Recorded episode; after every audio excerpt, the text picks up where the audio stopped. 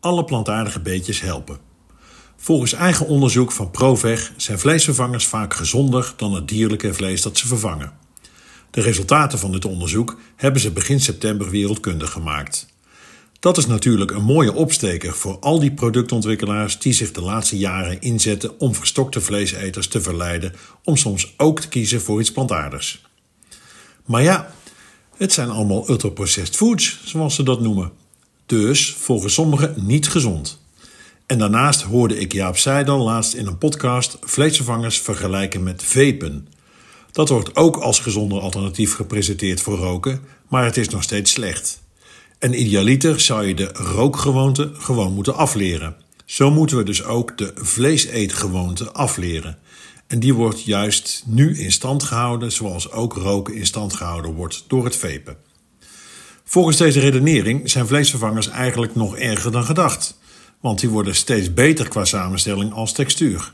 En hoe beter ze worden, hoe dichter ze bij het origineel komen en dus hoe moeilijker ons eetpatroon echt te veranderen naar meer plantaardig. Toch gaat de vergelijking met vapen niet op. Eten moeten we namelijk en roken is een aangeleerde gewoonte. En als je redeneert volgens de vleeseetgewoonte, zouden we ook moeten stoppen met havercappuccino's of veganistische kaasvervangers. Natuurlijk zou het veel beter zijn om minder dierlijk te eten en te kiezen voor plantaardig. Maar hoe lang hebben we de tijd om te proberen onze eetgewoonten zodanig aan te passen dat we wereldwijd vanzelf kiezen voor meer plantaardig?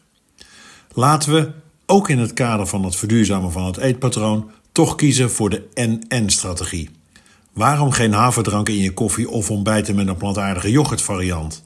En waarom geen vlees- of visvervangers inzetten voor producten waarin die gemakkelijk te vervangen zijn zonder al te veel smaak- of structuurverlies? Ik vrees dat we niet de luxe hebben om mogelijkheden om het voedingssysteem te verduurzamen uit te sluiten. Dus mogen wat mij betreft technologen en culinaire experts hun creativiteit volop blijven inzetten om betere en minder processed producten te maken.